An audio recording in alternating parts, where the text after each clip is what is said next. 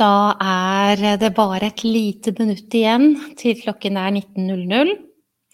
Og denne sending nummer to av tre skal starte. Jeg må være villig til å la det gå litt tid, så du som har tenkt til, planlagt å møte meg live, har en mulighet til å komme inn. Og så blir denne sendingen liggende i opptak, der hvor jeg sender direkte, nå i gruppen på Facebook. Og det blir også lagt ut et lydopptak på min podkast som heter 'Finn din livsglede, bli stressfri'. Hei, Marte! Du er den første som kommer inn. Og da er jeg så heldig at jeg alltid får beskjed om at uh, lyd og bilde er ok. Får jeg tommel opp, Marte, så vet jeg at det er greit. Herlig. Jeg, eh, jeg har egentlig venta. Ja, så bra. Lyd og bilde er bra. Fint, Marte. Tusen takk. Da slipper jeg å tenke noe mer på det. Jeg eh, har ventet um, med lengsel, vil jeg vel nesten si, helt siden jeg avsluttet sending nummer én på mandag. og i dag så har hele meg visst at når klokken ble 19.00, så skulle vi være i gang igjen. Og jeg kjenner bare at jeg har, eh, selv om jeg har hatt mange samtaler i dag og jeg har gjort litt ymse, ikke fått gjort det som sto på agendaen min i dag fullt og helt. Nei. Det er noen nå som venter på å få e-post fra meg, så hvis du de det gjelder, for det er opptil flere av dere, skulle få med dere denne sendingen, så bare vit at eh, det er ikke fordi jeg ikke har lyst til å sende den til deg, men uh, hodet mitt var helt andre steder eh, på et tidspunkt her. Jeg har bare gleda meg til å eh, starte denne sendingen. Og nå ser jeg til min store glede at det er mange som kommer inn, og at dere hilser på meg. Hei, Jakob, og hei, Lise. Og hei, alle dere kjære Facebook-usere som ikke har registrert dere med navn på StreamYard. Gjør ingenting. Det er bare det at jeg ser ikke navnet ditt når sendingen går live, da. Men det er ikke viktig, egentlig. Er det viktig for deg at jeg vet hvem du er, så skriver du navnet ditt hvis du ikke er sikker på at du er registrert. herlig, herlig. Jeg har hei fra Sandnes, hei Toril fra Halden, hei Grete, hei fra Tønsberg. Nei, vet du hva. Det som dere gjør nå ved å si hei til meg og fortelle hvor dere er hen, det syns jeg er veldig hyggelig, så fortsett med det når du kommer inn. Um, Hege Stamnes er her, så hyggelig, Hege. Du, du, står som en Facebook-user, og det visste du sannsynligvis da, siden du presenterer deg for meg. Så koselig! Det er jo Altså, jeg føler jo at jeg har kontakt med deg, og når du har hilst på meg, så velger jeg at det er en kontakt vi har, da. Hei, Tone, så hyggelig at du ble med live i dag. Jeg så i et kommentarfelt, Tone, at du ikke fikk anledning på mandag. Men da er det veldig hyggelig at du er her. Hei fra Rakkestad, kjære Marit. Og Jan Anita. Marte er fra Fredrikstad. Ja, kjære Marte. Og det er en inne fra Brønnøysund, ja. Det er jo fantastisk da, at man kan sitte her. Oi, nå kom jeg bort til mikrofonen min, så det kan hende det dura litt ekstra hos deg. Men uh, det å få sitte her og dele hva det er som dette, denne delen av kroppen min, altså hjertet mitt, bare jeg, klarer jo ikke å la være å dele. Og at jeg kan få lov å nå mennesker over hele landet på denne måten, det syns jeg er fantastisk. Virkelig. Enten du nå er med meg direkte i denne gruppa på Facebook, eller om du får sett et opptak, eller om du faktisk da i etterkant hører denne, eh, denne sendingen med et lydspor på podkasten min. Apropos podkast, kjære dere som er inne nå. Hvor mange av dere vet at jeg har en podkast? Jeg kan være flinkere til å fortelle om det, egentlig, og jeg burde nok gjøre det òg, fordi at det er så Hver eneste dag får jeg flere e-post fra lyttere som sier at 'Hei, jeg har akkurat oppdaget podkasten din, og jeg, du snakker til meg. Jeg lurer på, kan du hjelpe meg? Er det noen mulighet?' Hei fra Årnes. Og det, de tilbakemeldingene jeg får, de er rett og slett fantastiske. Man skjønner jo at man kan eh, skape en endring, og det kan man. Og det er jo min agenda. Jeg vil jo fortelle deg at hvis du er et sted i dag hvor det er ubalanse, dårlig søvn og angst og eh, smerter hit og dit og kaostanker og bekymringer og alt dette som vi snakket om i sending nummer én, Eller du ikke ønsker å komme dit, men du skjønner ut fra kunnskapen du tar imot, at du faktisk har for mye av dette stresset som vi ikke tåler, så er det jo ikke sånn at du er overlatt til intet. Du kan gjøre noe. Og det kan også godt tenkes at du tenker nå at ja, jeg har prøvd alt, jeg, men det er ingenting som virker. Nei, du har ikke prøvd alt. Fordi jeg kan garantere deg at det virker. Og senest i dag, i, flere av de samtalene jeg hadde i dag, så sitter jeg og snakker med mennesker som sier 'jeg har fått et nytt liv'. Bare på kort tid nå, Monica, så har det skjedd så mye med meg. Jeg har ro, og jeg sover om natta, og jeg er ikke bekymra for ikke å få sove lenger. Og jeg, jeg, begynner virkelig å tro at jeg skal bli helt kvitt utmattelsen min og i det hele tatt. Ja, fordi du begynner å kjenne på energi igjen, ikke sant? Apropos tema for denne workshopen, enkle grep for mer ro, mer glede, mer energi. Ja, det er fullt mulig. Hei, Bibi, og hei, Hanna, og hei til alle dere andre. Bare fortsett å hilse på meg når du kommer inn. Men jeg skal ikke bruke mer av din tid nå på en sånn innledning med babbel. Jeg, må gjøre det fordi jeg må la mennesker få lov å komme inn, ikke sant? Men eh, jeg har lyst til å, å gå rett på saken. Og jeg lovet deg i slutten av sending nummer én at jeg skulle trekke opp tråden igjen fra der hvor jeg slapp. Og det skal jeg gjøre. Men før jeg gjør det, så er det jo viktig for oss at vi har klart for oss hva som er liksom overskriften, tema, hovedtema for denne sendingen. Det henger i hop alt sammen, da, ellers så hadde det jo ikke vært tre sendinger sånn, ikke sant. Men det jeg ønsker å besvare, da, det er jo denne påstanden om at det går an. Altså, er det virkelig mulig å få ro i kropp og topp, eller er det en klisjé? Det er en sånn valgt tittel fra min side, da. Og den er kommet eh, fra meg til deg på denne måten ut fra veldig mange menneskemøter.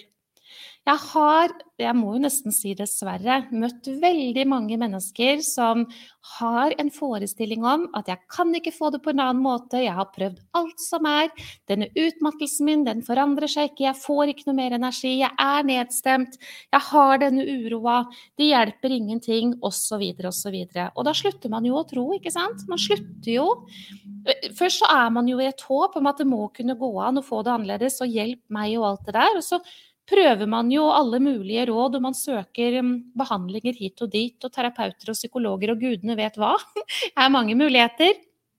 Um, uten å gå nærmere inn på det, så, så, tror man jo at man skal få den hjelpen som trengs utenfra. Og så opplever man jo at nei, det var et lite blaff, og så var det ikke noe varig i dette. Hvor mange kjenner seg igjen i det? Hei, Margunn Ulsteinsvik og Ellen på Liertoppen. Lierskogen. Herlig. Oi, så hyggelig hilsen at det var gjennom podkasten du ble kjent med meg, ja, så hyggelig. Det er det stadig flere som gjør, og det setter jeg jo veldig stor pris på, da. Jeg ønsker jo å nå ut. Se i opptak, du kjære deg som skriver det. Du har tilgang i ganske så mange dager på opptaket nå. Ok. Man slutter jo å tro da, at det går an å få det på en annen måte, men jeg har jo da valgt innspillet til denne sendingen, nummer to av tre. Er det mulig, eller er det en klisjé? Og jeg kunne egentlig ha latt denne sendingen bli på ti minutter. Jeg kunne ha sagt at vet du hva, enten så tror du meg når jeg sier det jeg skal si nå, eller så velger du å tro på forestillingen din om at ikke det går an å få det annerledes. Det er et valg du kan ta. Men eh, hvis du velger å tro på meg, så tar du imot det jeg sier nå. Svaret er ubetinget ja. Men det er noen grep som må gjøres, og det er ikke enkeltpenkelt i forhold til å komme fra en tilstand som er hvor man ikke vil være, da, med denne uroa, smerten og utmattelsen og angsten og alt dette her, dårlig søvn og dårlig fordøyelse og kaos, som du jo er i sinnet i tillegg, sånn som vi snakket om det i sending nummer én og til noe annet. Nei, det er ikke, det er ikke så lang vei. Altså, nå viser jeg deg ca. 10 cm. Nei. Det er, det er noe du må foreta deg, og du må gjøre det over tid. Men når du gjør det, ja, da blir det faktisk på en annen måte. Og nå stemmer Marte i kommentarfeltet her. Hun sier det er absolutt mulig. Og Marte vet hva hun snakker om. Det kan jeg fortelle deg som får med deg dette. Min eldste datter tipset meg om din podkast. Ja, men så hyggelig, Ann Anita. Det syns jeg var hyggelig å høre. Det er ganske mange lyttere på den podkasten her, og det er jo veldig, veldig hyggelig at det er det. Og som jeg sa i stad, daglig så får jeg et sted mellom fire og nærmere 30 e-post med 'tusen takk for podkasten du lager', og med spørsmål om 'kan du hjelpe meg'? ja, jeg kan jo det, da. Helt enig med Marte, sier Lise. Ja, det er ingen tvil om at det går an.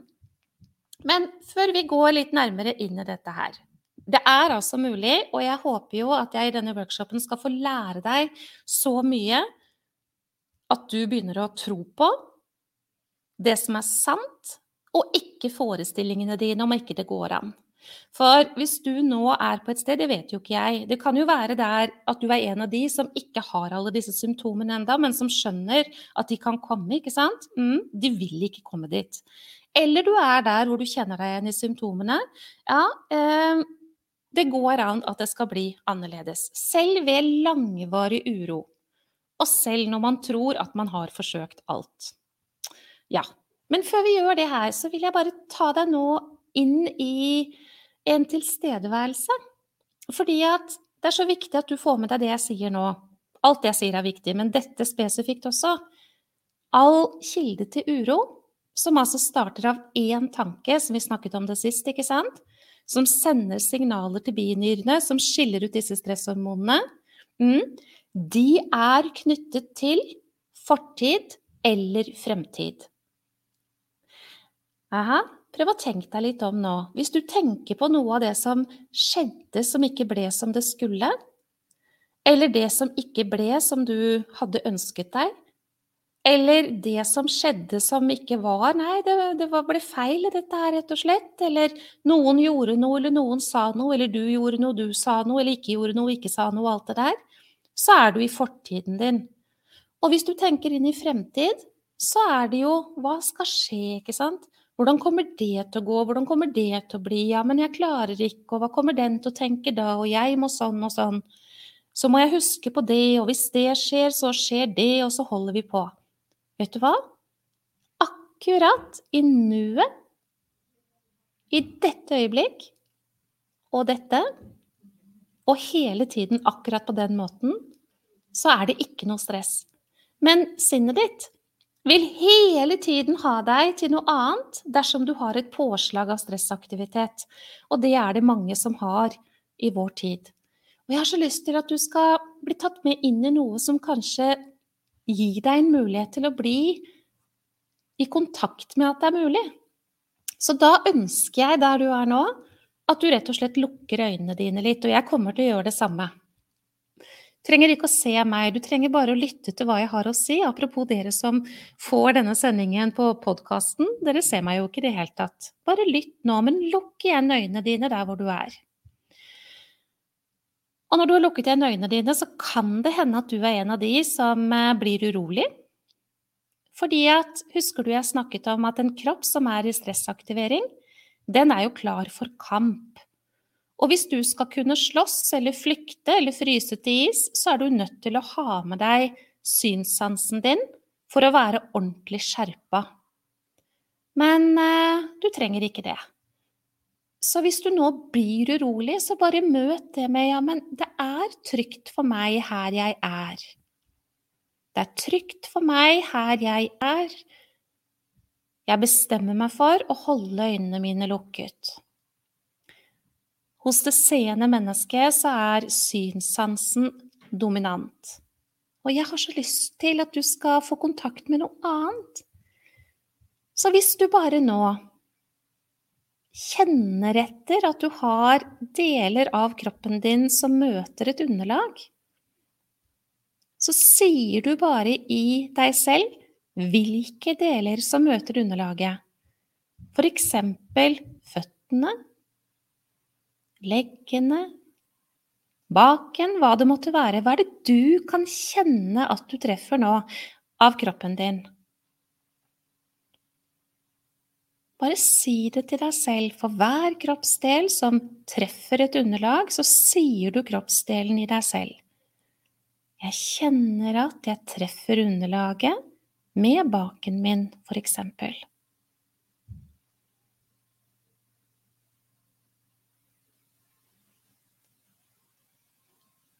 Og så bare slipper du tak i det der. Nå vil jeg du skal gå på jakt etter det å være i din venstre hånd sin håndflate. Så bare pass på nå at hånden din ligger og hviler et eller annet sted, og at håndflaten er opp mot taket.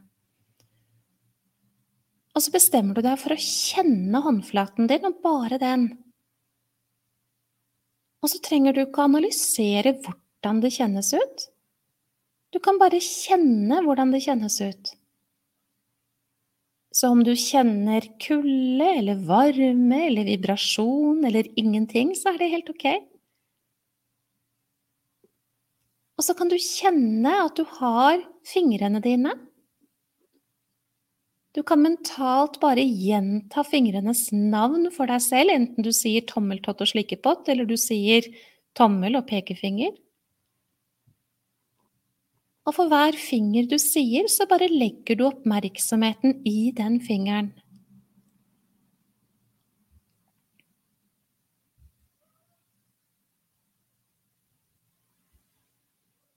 Og når du har gjort det, så kan du se om du kan fylle oppmerksomhet inn i hele hånden din, så du rett og slett kjenner hele venstre hånd med håndflate og håndbak og alle fingrene.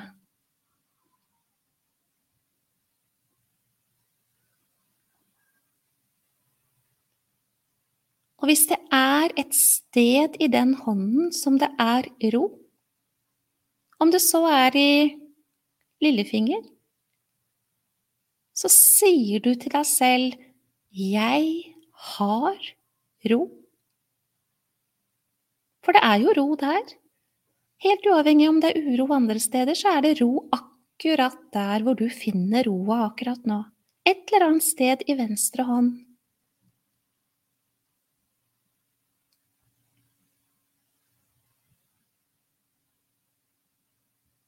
Gjentar for deg selv 'Jeg har ro i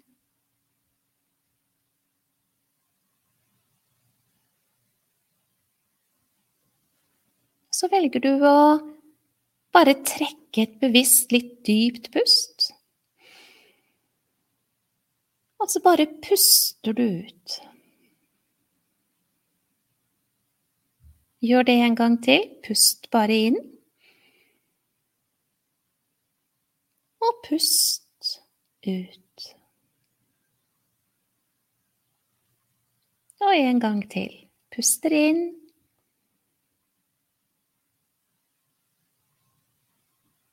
Og puster ut.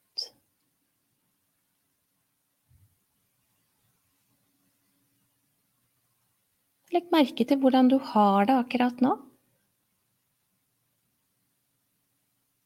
Legg merke til hvordan kroppen din oppleves, og hvordan sinnet ditt eh, oppleves akkurat nå.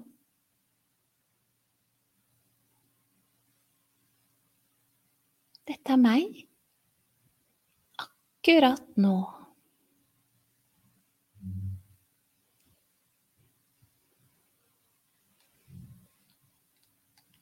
Så puster du dypt inn.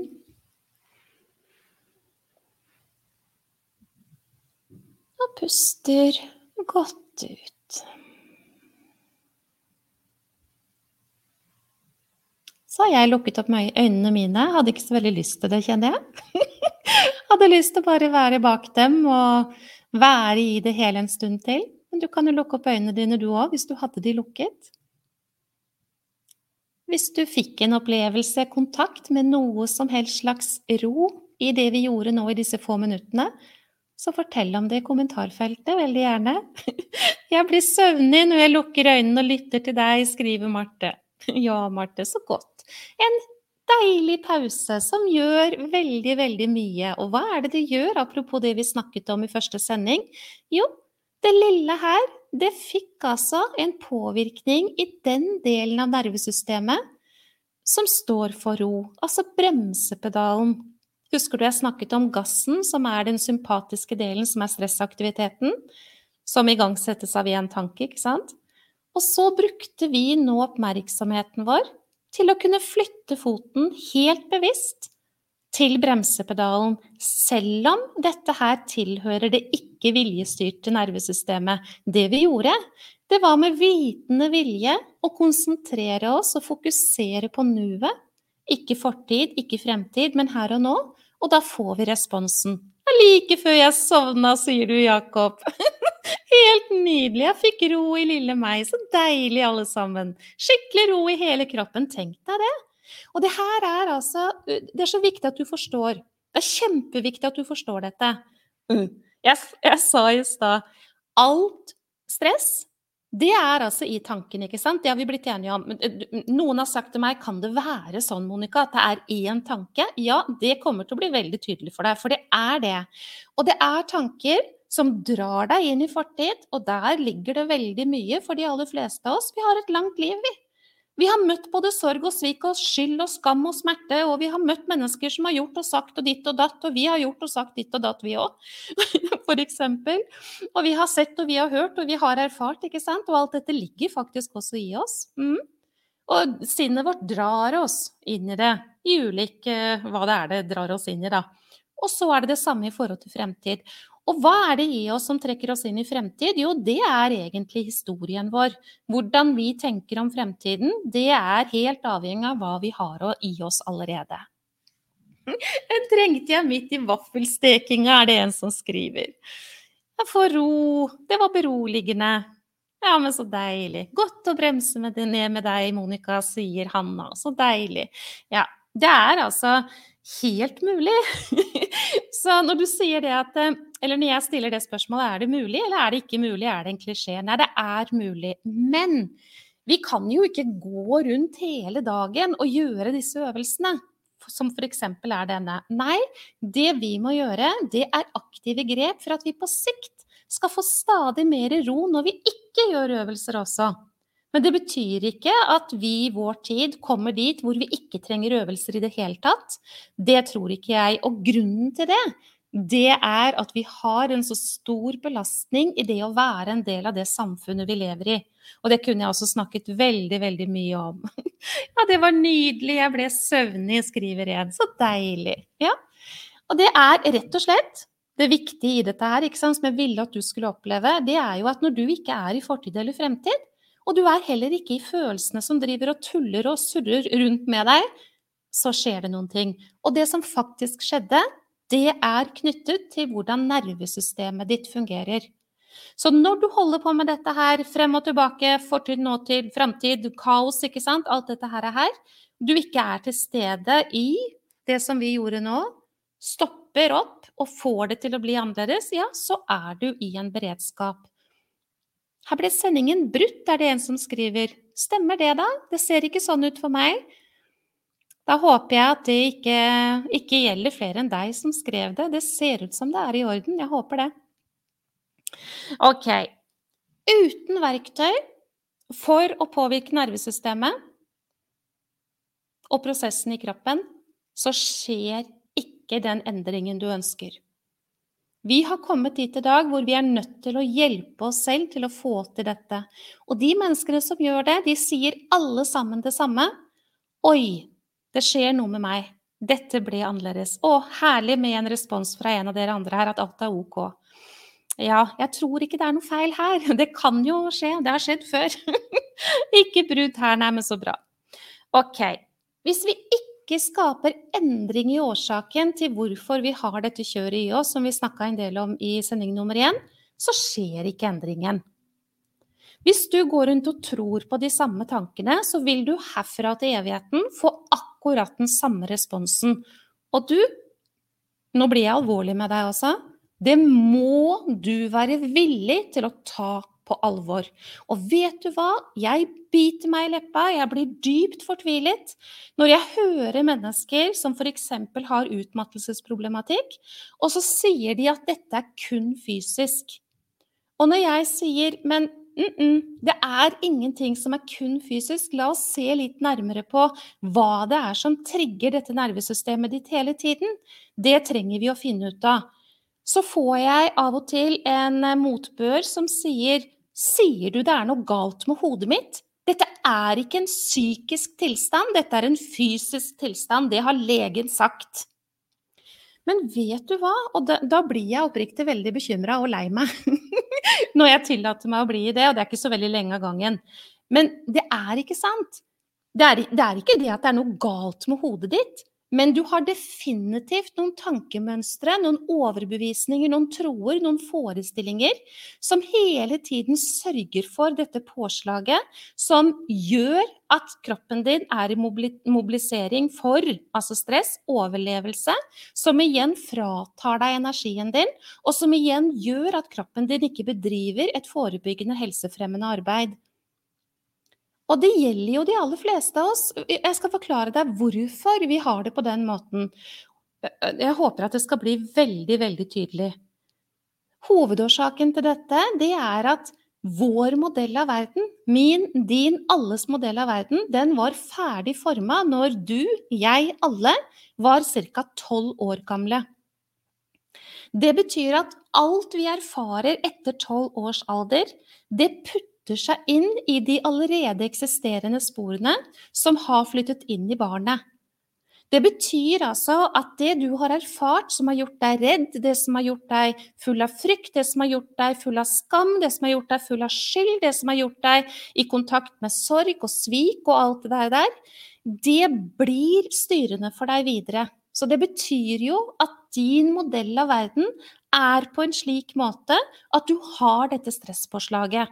Og da nytter det ikke å hvile seg frisk.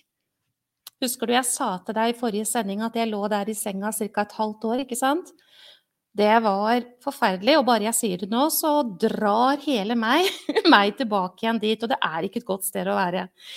Men jeg sa til deg, jeg hvilte jo ikke. Jeg fikk beskjed om å gå hjem og hvile.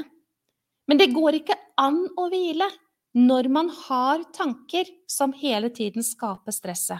Hvordan skal det gå? Sånn her skulle det ikke ha blitt. Nå klarte jeg jo akkurat å være på jobb, og så plutselig så ligger jeg her. Jeg skal jo være supermammaen. Jeg skal jo hjelpe alle andre. Jeg skal jo få til. Hvorfor skal jeg ha det på denne måten når jeg hadde det på en annen måte før? Hva er det som skjer med meg?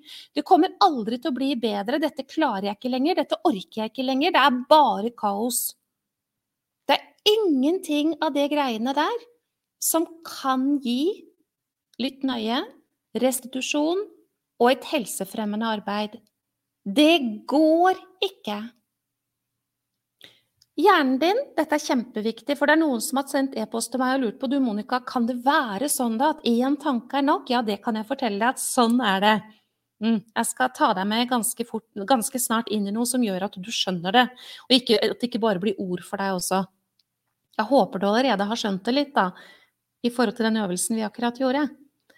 Men hjernen din Vi vet ganske mye om menneskets hjerne i dag. Takk til alle de som før meg har studert dette nøye og sitter på kunnskap og har delt den. Så jeg har fått muligheten til å ta den imot. Det er jeg glad for.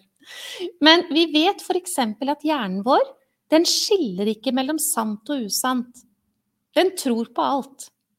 Den skiller ikke mellom fantasi og virkelighet. Det vil si at hvis du lager scenarioer i hodet ditt, katastrofetanker f.eks., så vil kroppen din respondere på det samt om det skjer akkurat nå.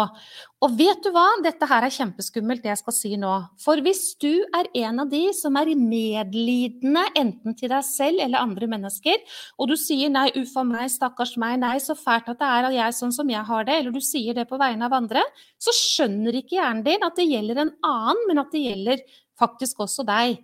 Så den bare gir deg påslag av det du egentlig ikke vil ha. Hjernen forstår ikke det. Å, stakkars, å, stakkars, å, stakkars. Nei, dette var ille. Uff a meg, så forferdelig. Det er stresspåslaget, det mennesket som tilnærmer seg på den måten. Så hjernen skiller ikke mellom sant og usant. Den skiller ikke mellom deg og andre mennesker. Den skiller ikke mellom fantasi og virkelighet. Og den klarer heller ikke å skille mellom fortid, nåtid, framtid. Så kjære du som er her akkurat nå, eller som får med deg dette i opptak, eller på podkasten. Du, hvis du nå tenker på én ting du har opplevd i ditt liv som gjorde at du følte frykt, følte deg forlatt eller følte deg avvist, noe du har opplevd i livet ditt hvor du ble redd, vel, gå hent det. Og når du gjør det, så legg merke til hva som skjer i kroppen din. Bestem deg for at du skal kjenne etter. Legg merke til hva som skjer. Legg merke til hva som skjer med pusten din, med hjertet ditt, med magen din, med kjeven din. Legg merke til hva som skjer kanskje i munnen din. Får vondt i magen, sier Marte. Ja, hva med dere andre?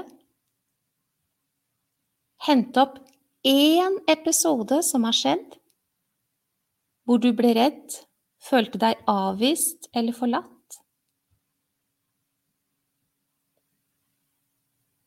Og så skal ikke vi være der lenger, så nå trekker du pusten godt inn, og så klapper du litt i hendene dine sånn her.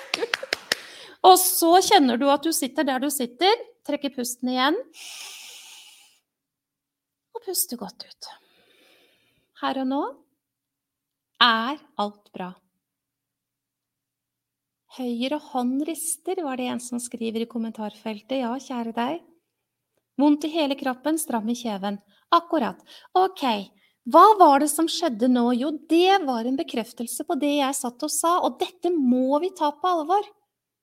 Og når du holder på i ditt, ditt, daglige brød, holdt jeg på å sagt, det var ikke det jeg skulle si Når du holder på i ditt ikke sant, virvar, og du prater og du ordner og det hele tatt, så må du ikke tro at det går upaktet hen.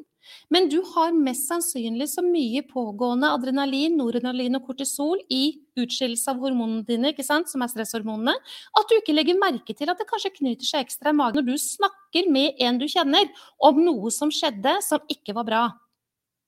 Apropos dette med Vi må snakke om dette. Ja, vi må det. Men så mye og til så mange. Ikke her. Og vi kan heller ikke være medlidende i andres uhelse. Kunne ha snakket en time om medfølelse og medlidende nå, det skal jeg ikke gjøre nå, for det, det er liksom ikke greia.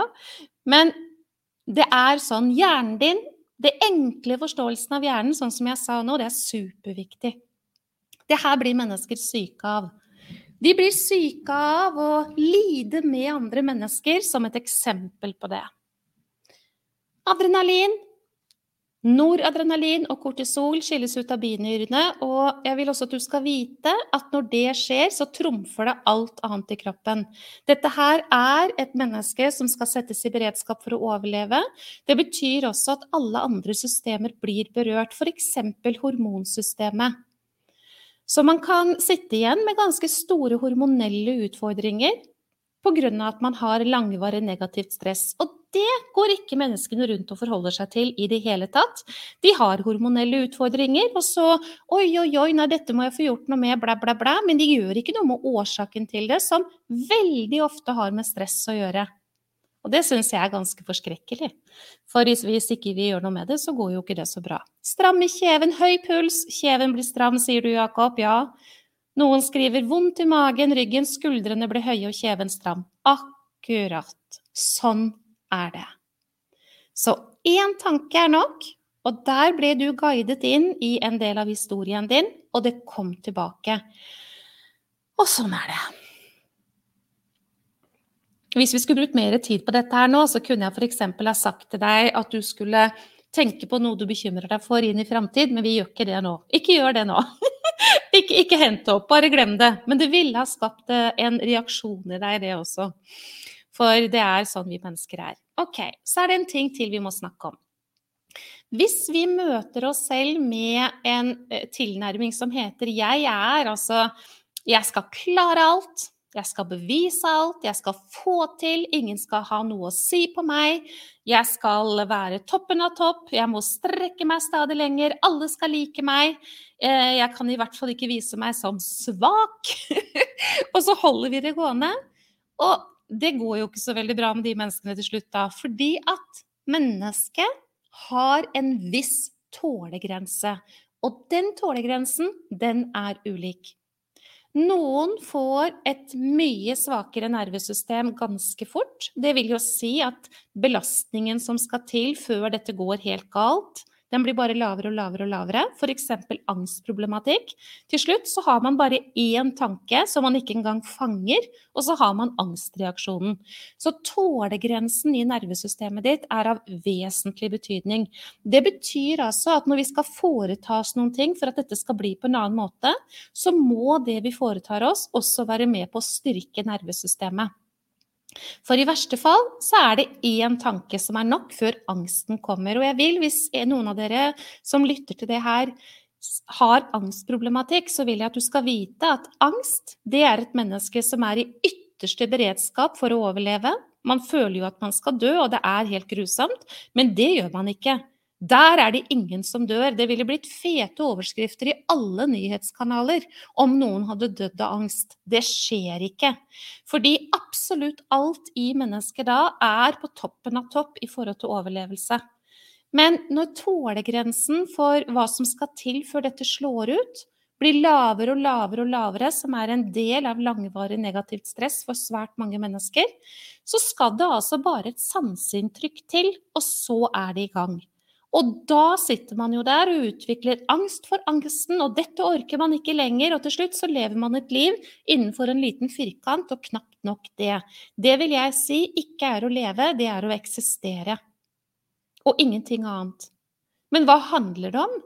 Jo, det handler om følelser, det handler om nervesystem, det handler om ren fysiologi og altet som man kan få gjort noe med. Heldigvis. Kjenner meg igjen, skriver du, Lise. Ja vi kommer dit. Jeg var også der. Og eh, nå har jeg bank i alle gulv og tak og vegger og alt som er. Ikke hatt uh, den angstfølelsen på så lenge jeg kan huske. Men jeg vet jo hva jeg skal gjøre for at det skal komme igjen. Det er ikke noe problem å finne ut av og få til. Alt starter i tanken, men hvor kommer tankene fra?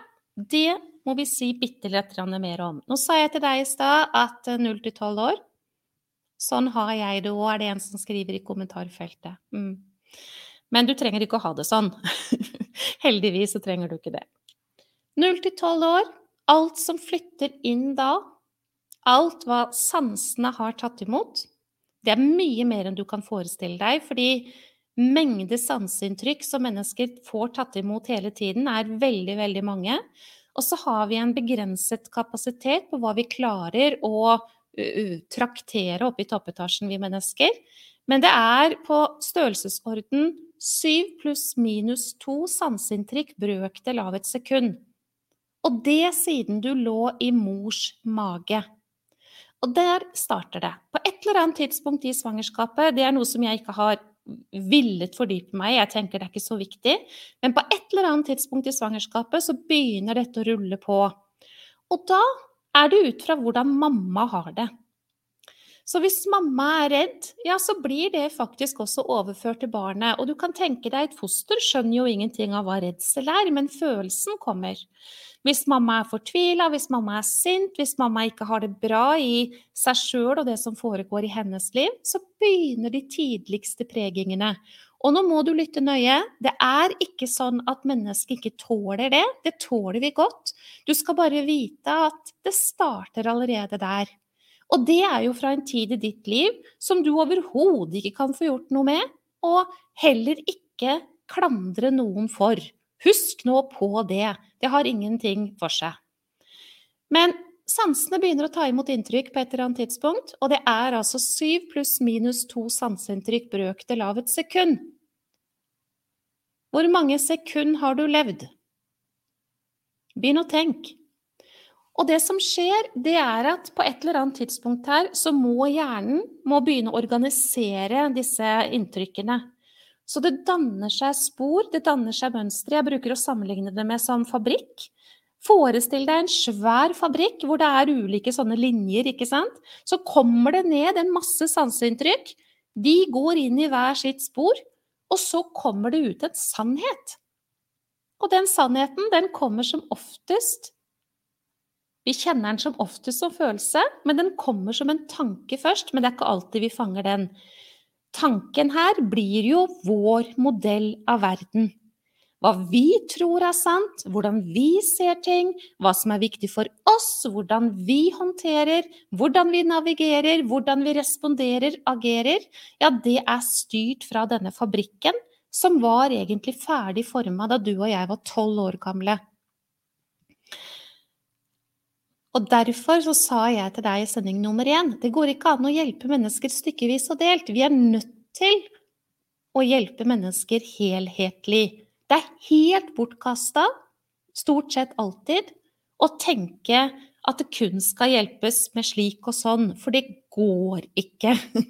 Det er rett og slett ikke mulig. Og så har jeg et utfordrende spørsmål til deg. Antageligvis så vet du svaret med en gang, men jeg har likevel lyst til å stille det. Dette barnet, 0 til 12 år, er det barnet med en utviklet hjerne av en slik karakter at den kan forstå alt som foregår? Er det barnet så kunnskapsrik, så full av visdom og innsikt, at det som barnet tar imot, blir sannheter?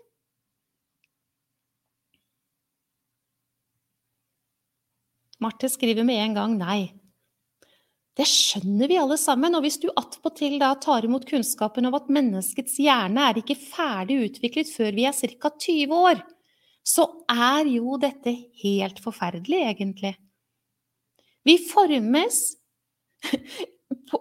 i en del av livet vårt hvor vi ikke kan ta imot sannheter. Det blir altså tolkninger. Det blir en måte å navigere på, det blir en måte å forstå på. Det blir en måte for å kunne overleve i altet. Og det drar vi med oss videre. Og jeg har lyst til å, si, jeg har lyst til å gi et eksempel. Mange av dere kjenner dette fra før, men jeg skal si det allikevel.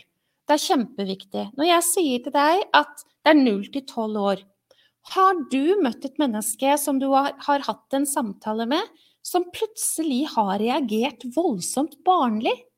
F.eks. med nærmest å sette hendene i sida og si 'du får ikke lov å snakke sånn til meg', eller 'nå går jeg', eller 'hvis du gjør sånn, så mm, gjør jeg sånn mot deg', eller Altså en eller annen reaksjon hvor du bare liksom tenker 'oi, nå satt vi i sandkassa'. Nå sitter jo faktisk vedkommende med bøtte og spade og kaster, sitter jo med kjeledressen sin.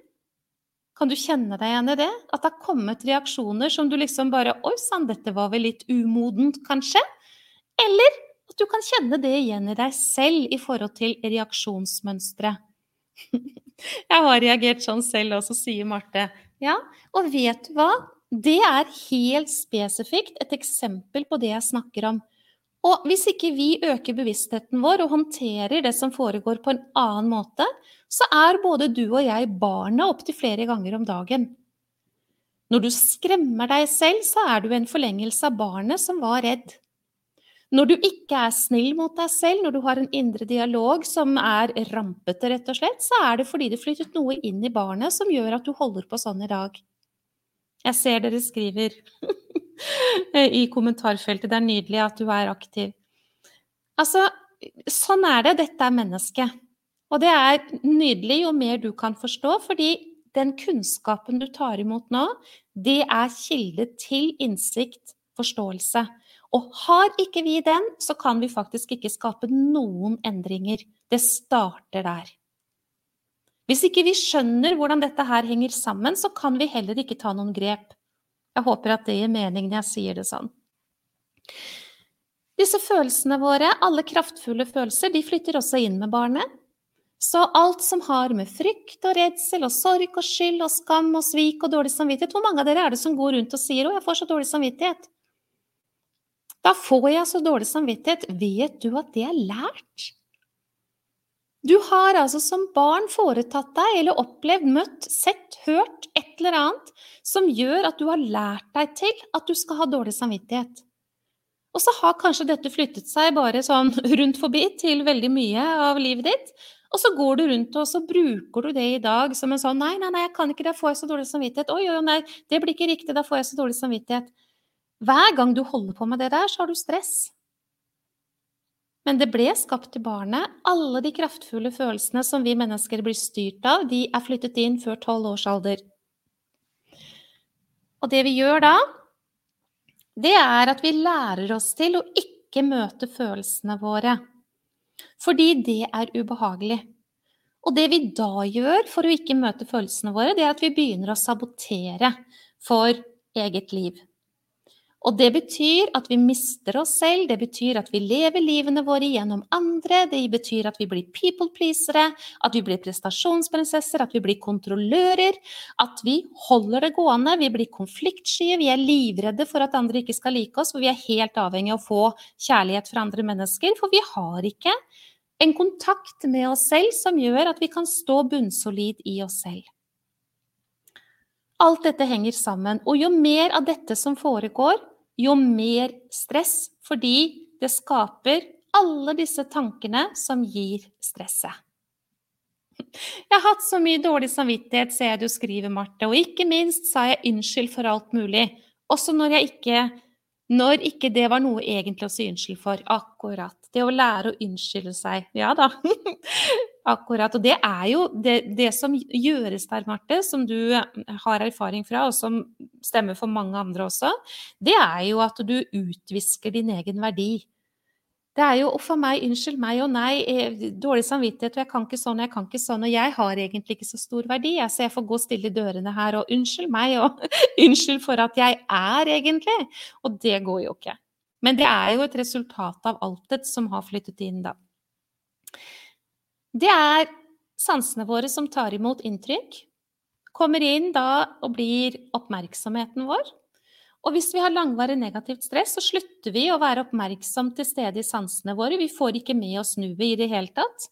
Jeg vet ikke hvor mange ganger du har opplevd at du syns mennesker er fjerne, eller de gjør ikke som de sa, eller du selv liksom bare mister taket, mister grepet. Hva var det, hva var det jeg tenkte for to minutter siden? Hva var det jeg gjorde da? Hvor mange av dere har putta bilnøkler i kjøleskapet og alt mulig sånt rart? Og det er fordi at du mister kontakten med denne bevisste tilstedeværelsen. Oppmerksomheten din blir helt, uh, altså mer eller mindre, uh, i hvert fall hardt rammet, pulverisert. Sansene, oppmerksomheten, alt dette henger også sammen med hvordan du ser virkeligheten. Hvis du nå gjør et lite tankeeksperiment igjen, jeg har lyst til å ta deg med inn i det. Kan ikke du bare tenke på en deilig sommerdag i naturen? Kan ikke du si det til deg selv i tanken din? Tenk rett og slett på en sommerdag i naturen. Og så bare legger du merke til hva sinnet ditt serverer deg videre. En deilig sommerdag i naturen Legg merke til om du får noen bilder eller noen beskrivelser eller noen minner eller et eller annet, at sinnet bare begynner å servere deg noen ting. Mest sannsynlig er det det du opplever, om du tester det ut. Og det er fordi at sinnet hele tiden vil lete etter meninger, og skape mening i det igjennom tolkninger. Og det er det vi holder på med. Så når vi da har fått vår modell inn fra 0 til 12, så vil våre tolkninger være ofte av usannheter. Sinnet leter etter mening i det som eh, du, du, tar imot på et eller annet vis, og så sitter du igjen med 'ja, sånn er det', for det er din tolkning. Kjempeviktig å vite. Det betyr jo når jeg sier til deg at tanker stort sett ikke er sanne så håper jeg at du kan ane konturene av at det er sant, for det er det. Det er forestillinger, det er overbevisninger, det er troer. Sinnet bare leter etter noe som du har fra før. Og det er ikke sikkert at det barnet var så utviklet som en 20-åring når det var fire år, hvilket det ikke var. Hvis du f.eks. lytter til et menneske som snakker til deg, så kan du kanskje kjenne deg igjen i at du selvfølgelig da tolker denne personens ord. Kanskje tolker du ut fra om denne personen liker deg eller ikke liker deg. Kanskje tolker du stemmen i en retning som at vedkommende er sint på deg. Kanskje du også tar en beslutning om at denne personen her er et menneske du ikke liker eller et menneske som du liker veldig godt. Hva er det du baserer dette på? Det du har i deg fra før. Og det er også forklaringen på at hvis f.eks. 100 mennesker opplever en og samme situasjon, så kan man sitte igjen med veldig mange ulike forklaringer. Fordi at mennesker oppfatter ut fra hva de kan oppfatte ut ifra, og tolker ut fra det, og så sitter de igjen med sannheter. Og hvis disse sannhetene da er av en slik karakter at det påvirker nervesystemet til å skille ut stresshormoner, så er det akkurat det som skjer. Og det er alle negative, begrensende tanker. Nå håper jeg Jeg har hatt en intensjon om å få dette til å bli tydelig for deg. Har jeg klart det? Kan ikke du skrive i kommentarfeltet ja eller nei? Vær så snill. Så skal jeg ta deg med inn i noen flere eksempler som jeg da håper at skal gjøre det enda klarere for deg, for dette er superviktig. Hvis vi ikke forstår dette her, så vil vi heller ikke forstå vi skal, hvorfor vi skal gjøre noe med det, og hvordan vi gjør det. det er, vi vil ikke ja, vi vil fortsatt kanskje tro at det er ikke noe å få gjort med denne tilstanden. Så dette er veldig veldig viktig å få tak i på. Jeg ser dere skriver 'ja, så bra', da blir jeg glad. Si ifra hvis ikke det var tydelig. Jeg skal eh, gi noen eksempler fra, fra virkeligheten. Jeg har eh, faktisk laget meg en aldri så liten huskelapp på akkurat det. Uten at det er veldig viktig. Ja, nydelig. Jeg får mange ja i kommentarfeltet, så bra. Jeg vil jo at det skal være tydelig for deg, da. Så når du bekrefter det, så ja, nei. Janne Anita, hvis det er noe nei du kan fortelle meg, så jeg kan, kan, svare deg på det, så gjør det veldig gjerne. Ja, det er mye å forstå, det er helt sant. Og det kan hende man skal høre flere ganger også. Men OK. Hvis vi nå har et menneske som eh, tar ansvar for alle andres følelser et menneske som er nærmest grenseløs på å være god og snill og hjelpe til og sier ja, ja, ja, ja, ja. Et menneske som står på i årevis. Et menneske som for dette, å skape endringer i det, er helt utenkelig. Fordi ingen skulle ha noe negativt å si om henne, og hun hadde skapt seg et image hvor det var sånn hun var. Og det var derfor hun trodde Hun trodde at det var derfor hun ble likt, og noe annet var kjempeskummelt. Hun var livredd for at det ble uro rundt henne, og at noen ikke skulle like henne, for å si det sånn enkelt.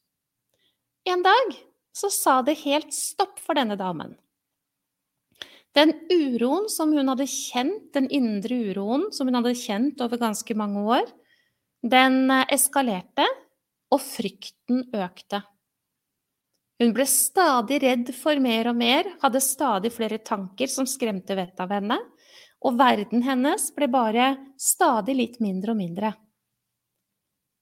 I ganske lang tid så presset hun seg selv til å fortsette å leve det livet hun hadde gjort.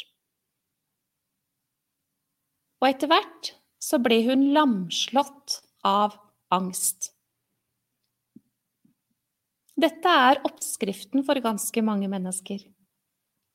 Hvis hun fortsetter og tar ansvar for alle andre, vil hun da kunne komme bort fra angsten sin? Hvis hun fortsetter og er redd for hva andre mennesker skulle eh, synes og tenke og mene om henne, vil hun da klare å komme seg bort fra angsten sin? Hvis hun fortsetter å ha et bilde av seg selv om at hun er et menneske som byr på og er for alle andre og ikke for seg selv, vil hun da komme bort fra angsten sin? Jeg håper at det jeg har klart å formidle, gjør det så tydelig at du nå sier til deg selv der du er, nei, det går ikke. Nei, det gjør ikke det. Det gjør faktisk ikke det. Og det er derfor det ikke går an å bare spise en pille eller hvile for å skape den endringen mennesker ønsker seg. Et annet eksempel en mann som fikk brystsmerter voldsomt på arbeidsplassen sin en dag. Han ble sendt på sykehuset og ble undersøkt. Det skal man jo ta på alvor. Det fant ingenting. Han fikk beskjed om at dette nok var et angstanfall og måtte gå hjem og hvile. Han ble sykmeldt. Årsaken trodde alle var i arbeidsbelastningen på jobb.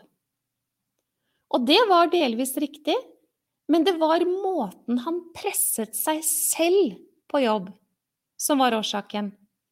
De kravene han hadde til seg selv, måten han reagerte på det han trodde at andre hadde for slags krav til han, det at han ikke satte grenser for hit, men ikke lenger, det var det som var problemet.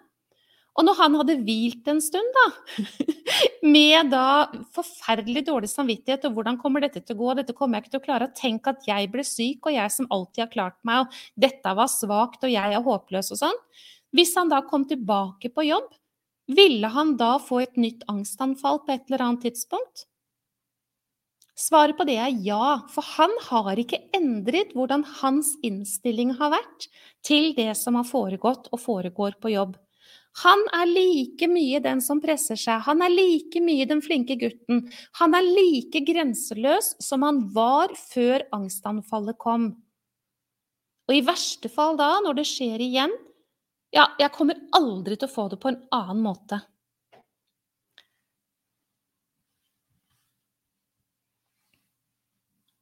Tror de fleste som har hatt angst, vet at det ikke hjelper å hvile. Går jo faktisk ikke an å hvile. Helt riktig. det gjør ikke det. Mm. Skal vi se. Jeg hadde et eksempel også på dette med å hvile. Det er også en mann. Han fikk diagnosen utposning på hovedpulsåren. Det er meget alvorlig, for å si det sånn. Hvis den sprekker, så er du død. Og fikk beskjed om å gå hjem og hvile.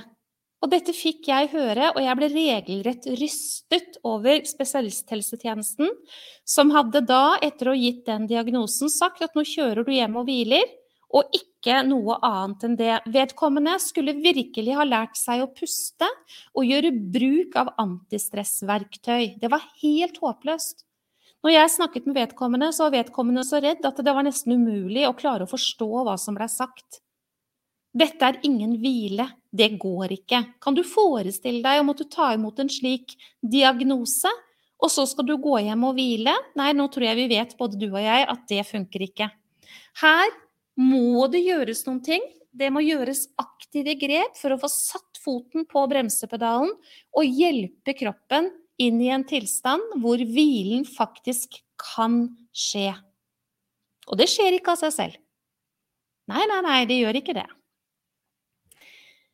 Et annet eksempel er jo alle disse menneskene som alltid sier ja. Jeg var litt, inne på det i stad, og jeg møter veldig mange av de. Men det de glemmer, som jeg også glemte den gangen jeg holdt på med alt dette her, det er at et ja til andre er et nei til seg selv. Hver gang man sier ja til andre, så har man samtidig sagt nei til seg selv. Og det går ikke når det blir for mye av det der. Det må være minst like mye ja til en selv som man gir til andre. Og nå kunne jeg sagt til deg, rekk opp hånden nå hvis du kjenner deg igjen i at dette overholder du ikke i det hele tatt. På spørsmålet mitt gir du minst like mye til deg selv som du gir til andre mennesker? Gir du minst like mye oppmerksomhet? Gir du minst like mye hjelp? Gir du minst like mye kjærlighet? Gir du minst like mye omsorg? Gir du minst like mye av gaver? Gir du minst like mye hjelp? Jeg sa det i stad, jeg kan fortsette. Vet du, dette gjør ikke du, og det går ikke. Det er en gyllen regel. Det må være minst like mye til deg som du gir til andre. Og hvis du nå sier til meg, Monica, det klarer ikke jeg, nei, da må du la meg få lov til å hjelpe deg til å komme inn i den tilstanden hvor dette blir mulig. For det er helt nødvendig. Apropos selvfølelsen din, den blir hardt rammet om du holder på og gir mer til andre enn du gir til deg selv. Det går ikke. Det lider mennesker under av. Det blir vi faktisk syke av. Og det har ikke du lyst til. Eh, ja, jeg tror ikke jeg skal ta flere av disse her, eh, eh, eksemplene mine. Jeg kunne ha fortsatt lenge, og tida går. Nå er vi snart på en time, og jeg hadde tenkt at jeg skulle klare å holde meg innenfor en time. Men ok. Vi må altså møte noe på en annen måte. Vi er nødt til å lære oss å møte noe på en annen måte. Vi må gjøre noe for å få trykket foten på bremsepedalen og styrket nervesystemet vårt, så vi tåler stadig litt mer. Det er vi helt nødt til. Vi må gjøre noe med de største stressordene våre. Vi er nødt til å gjøre aktive grep. Og gjør vi ikke det, så kan vi se langt etter den endringen vi ønsker oss. Og vet du hva? Hvis du er en av de som sier det er kun fysisk, så må jeg bare beklage, du tar feil.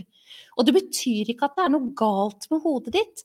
Det betyr bare at det har flyttet inn noen mønstre fra 0 til 12 år som gjør at belastningen i deg i dag i forhold til tanke og handling og følelser og alt mulig, er større enn det et menneske klarer. Det er ingenting av det som flyttet inn, som ikke er i deg. Det ligger ikke i bilen eller kjøkkenskapene eller ute i skogen eller tilhører ikke en annen. Det er i deg, og det blir styrende for deg hele tiden. Og det betyr at vi må skape endringer i en helhet om vi skal komme til mål. Men jeg kan jo glede deg med da, at det er forholdsvis enkle grep som må brukes, og de må brukes. Og når man gjør det over tid, så får man et annet resultat. Vi må styrke nervesystemet vårt. Det er heldigvis mulig uten at jeg skal gå veldig nærme inn på hvordan man gjør det, fordi det kan jeg lære deg på en annen måte. Men det er mulig å styrke nervesystemet så denne tålegrensen øker. Jeg kan jeg garantere deg at det er mulig. Men det må aktivt settes inn grep for at det skal skje da. Og så har vi et lite oppgjør. For å si det sånn, hvis jeg hadde fortsatt å være grenseløs, konfliktsky, people pleaser, prestasjonsprinsesse, være opptatt av fasade og perfeksjon, så hadde ikke jeg kommet meg ut av den tilstanden som jeg kom inn i. Hvordan har jeg fått til det her? Jo, jeg har da brukt verktøy for å få til det. Uten verktøy skjer ikke det. det er rett og slett ikke mulig. Og i dag så vet jeg nesten ikke hva jeg Altså, jeg har så å si ingenting igjen av dette. Jeg, nevnte, jeg må nevne kontroll hvis ikke jeg sa det. Jeg blir nesten overrasket over meg selv ganske så ofte over at jeg ikke har behov for å kontrollere noe som helst. Når jeg holder en sånn sending som det her, så foretar jeg meg ingen forberedelser. Jeg bare sier til meg selv du er som du er, Monica. Du byr på det du byr på. Du byr på fra hjertet ditt. Det blir som det blir. Det får være bra nok. Hvis noen ikke liker deg, så er det helt greit, for vi er ikke kommet hit i verden, noen av oss, for å like alle. Den gangen da så var jo jeg livredd for å ikke bli likt, og det er jeg heldigvis ferdig med. Det handler altså om hvordan vi tolker det som skjer i livet vårt, det som har skjedd i livet vårt, og det vi tenker om hva som kommer til å skje i livet vårt. Det handler om hvordan vi møter det som foregår i livet vårt, for der kan fort belastningen bli veldig, veldig stor. Jeg kunne ha delt mye historie på det òg, skal ikke ta meg tid til det nå.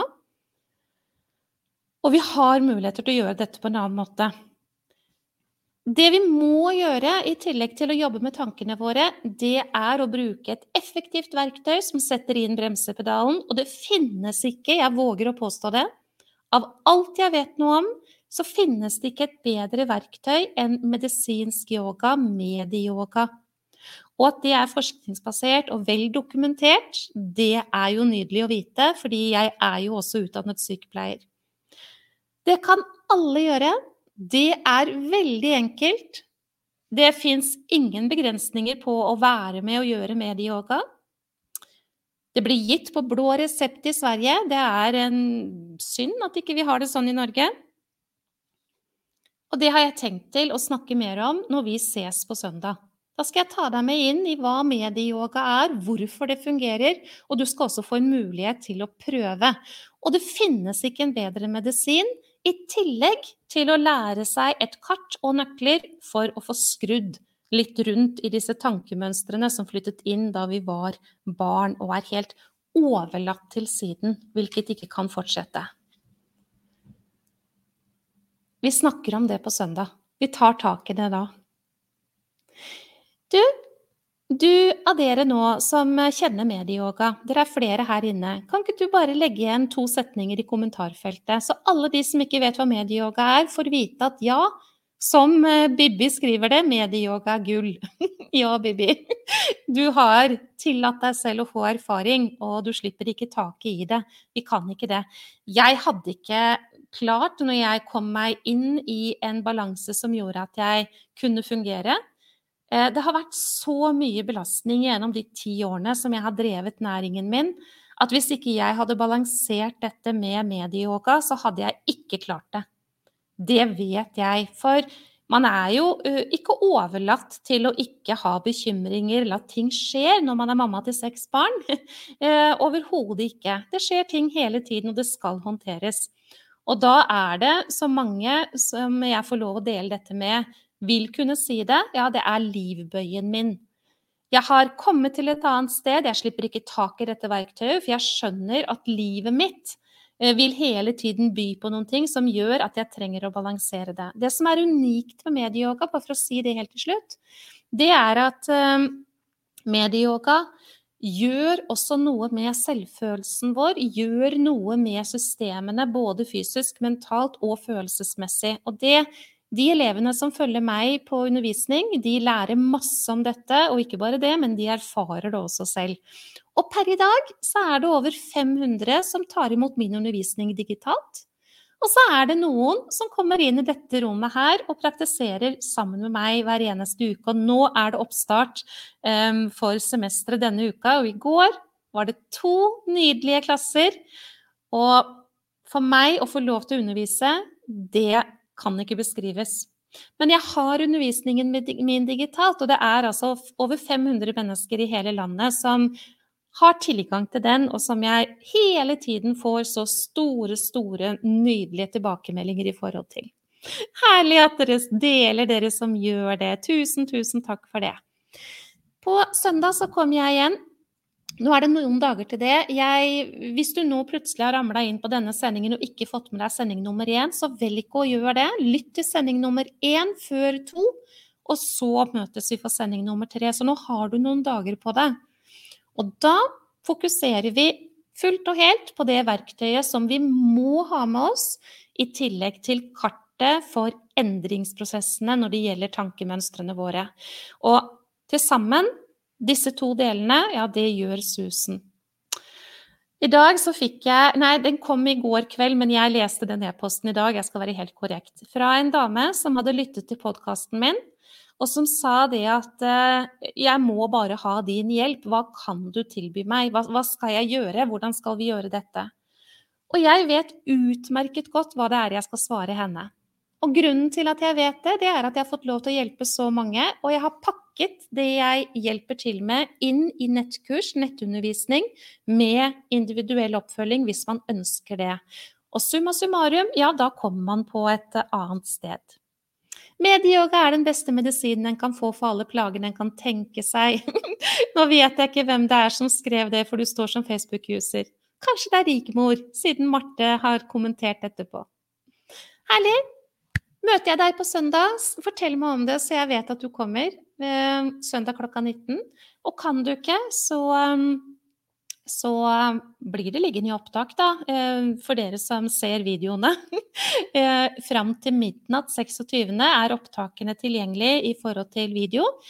Eh, og vet du hva, jeg har en plan som jeg kan fortelle deg om allerede nå. Fordi onsdag i neste uke, altså en uke fra nå, så er det noen vakre mennesker som tar imot min undervisning, som har sagt, Monica, jeg vil dele min erfaring. Så da om en uke, når klokka er 19.00 da, så kommer jeg til å sitte her og være sammen med deg som kommer til å se på, med disse menneskene. Som da vil fortelle deg eh, hva de har erfart, hvorfor de praktiserer medieyoga, hva medieyoga betyr for dem, og de kommer også til å kunne svare på spørsmål som du ville ha. Og det er bra. Så sånn blir det. Herlig, herlig. Tusen takk til deg også, Jakob, for at jeg har fått lov å dele tid med deg i kveld. Veldig glad for det. Takk til alle som kommenterer, og ser du i opptak, så legg igjen en hilsen. Og hvis du har lyst til å dele hva medieyoga gjør for deg, så er du fri til å gjøre det. Det har betydning for andre mennesker. Så ses vi til søndag, håper jeg da. Ha det!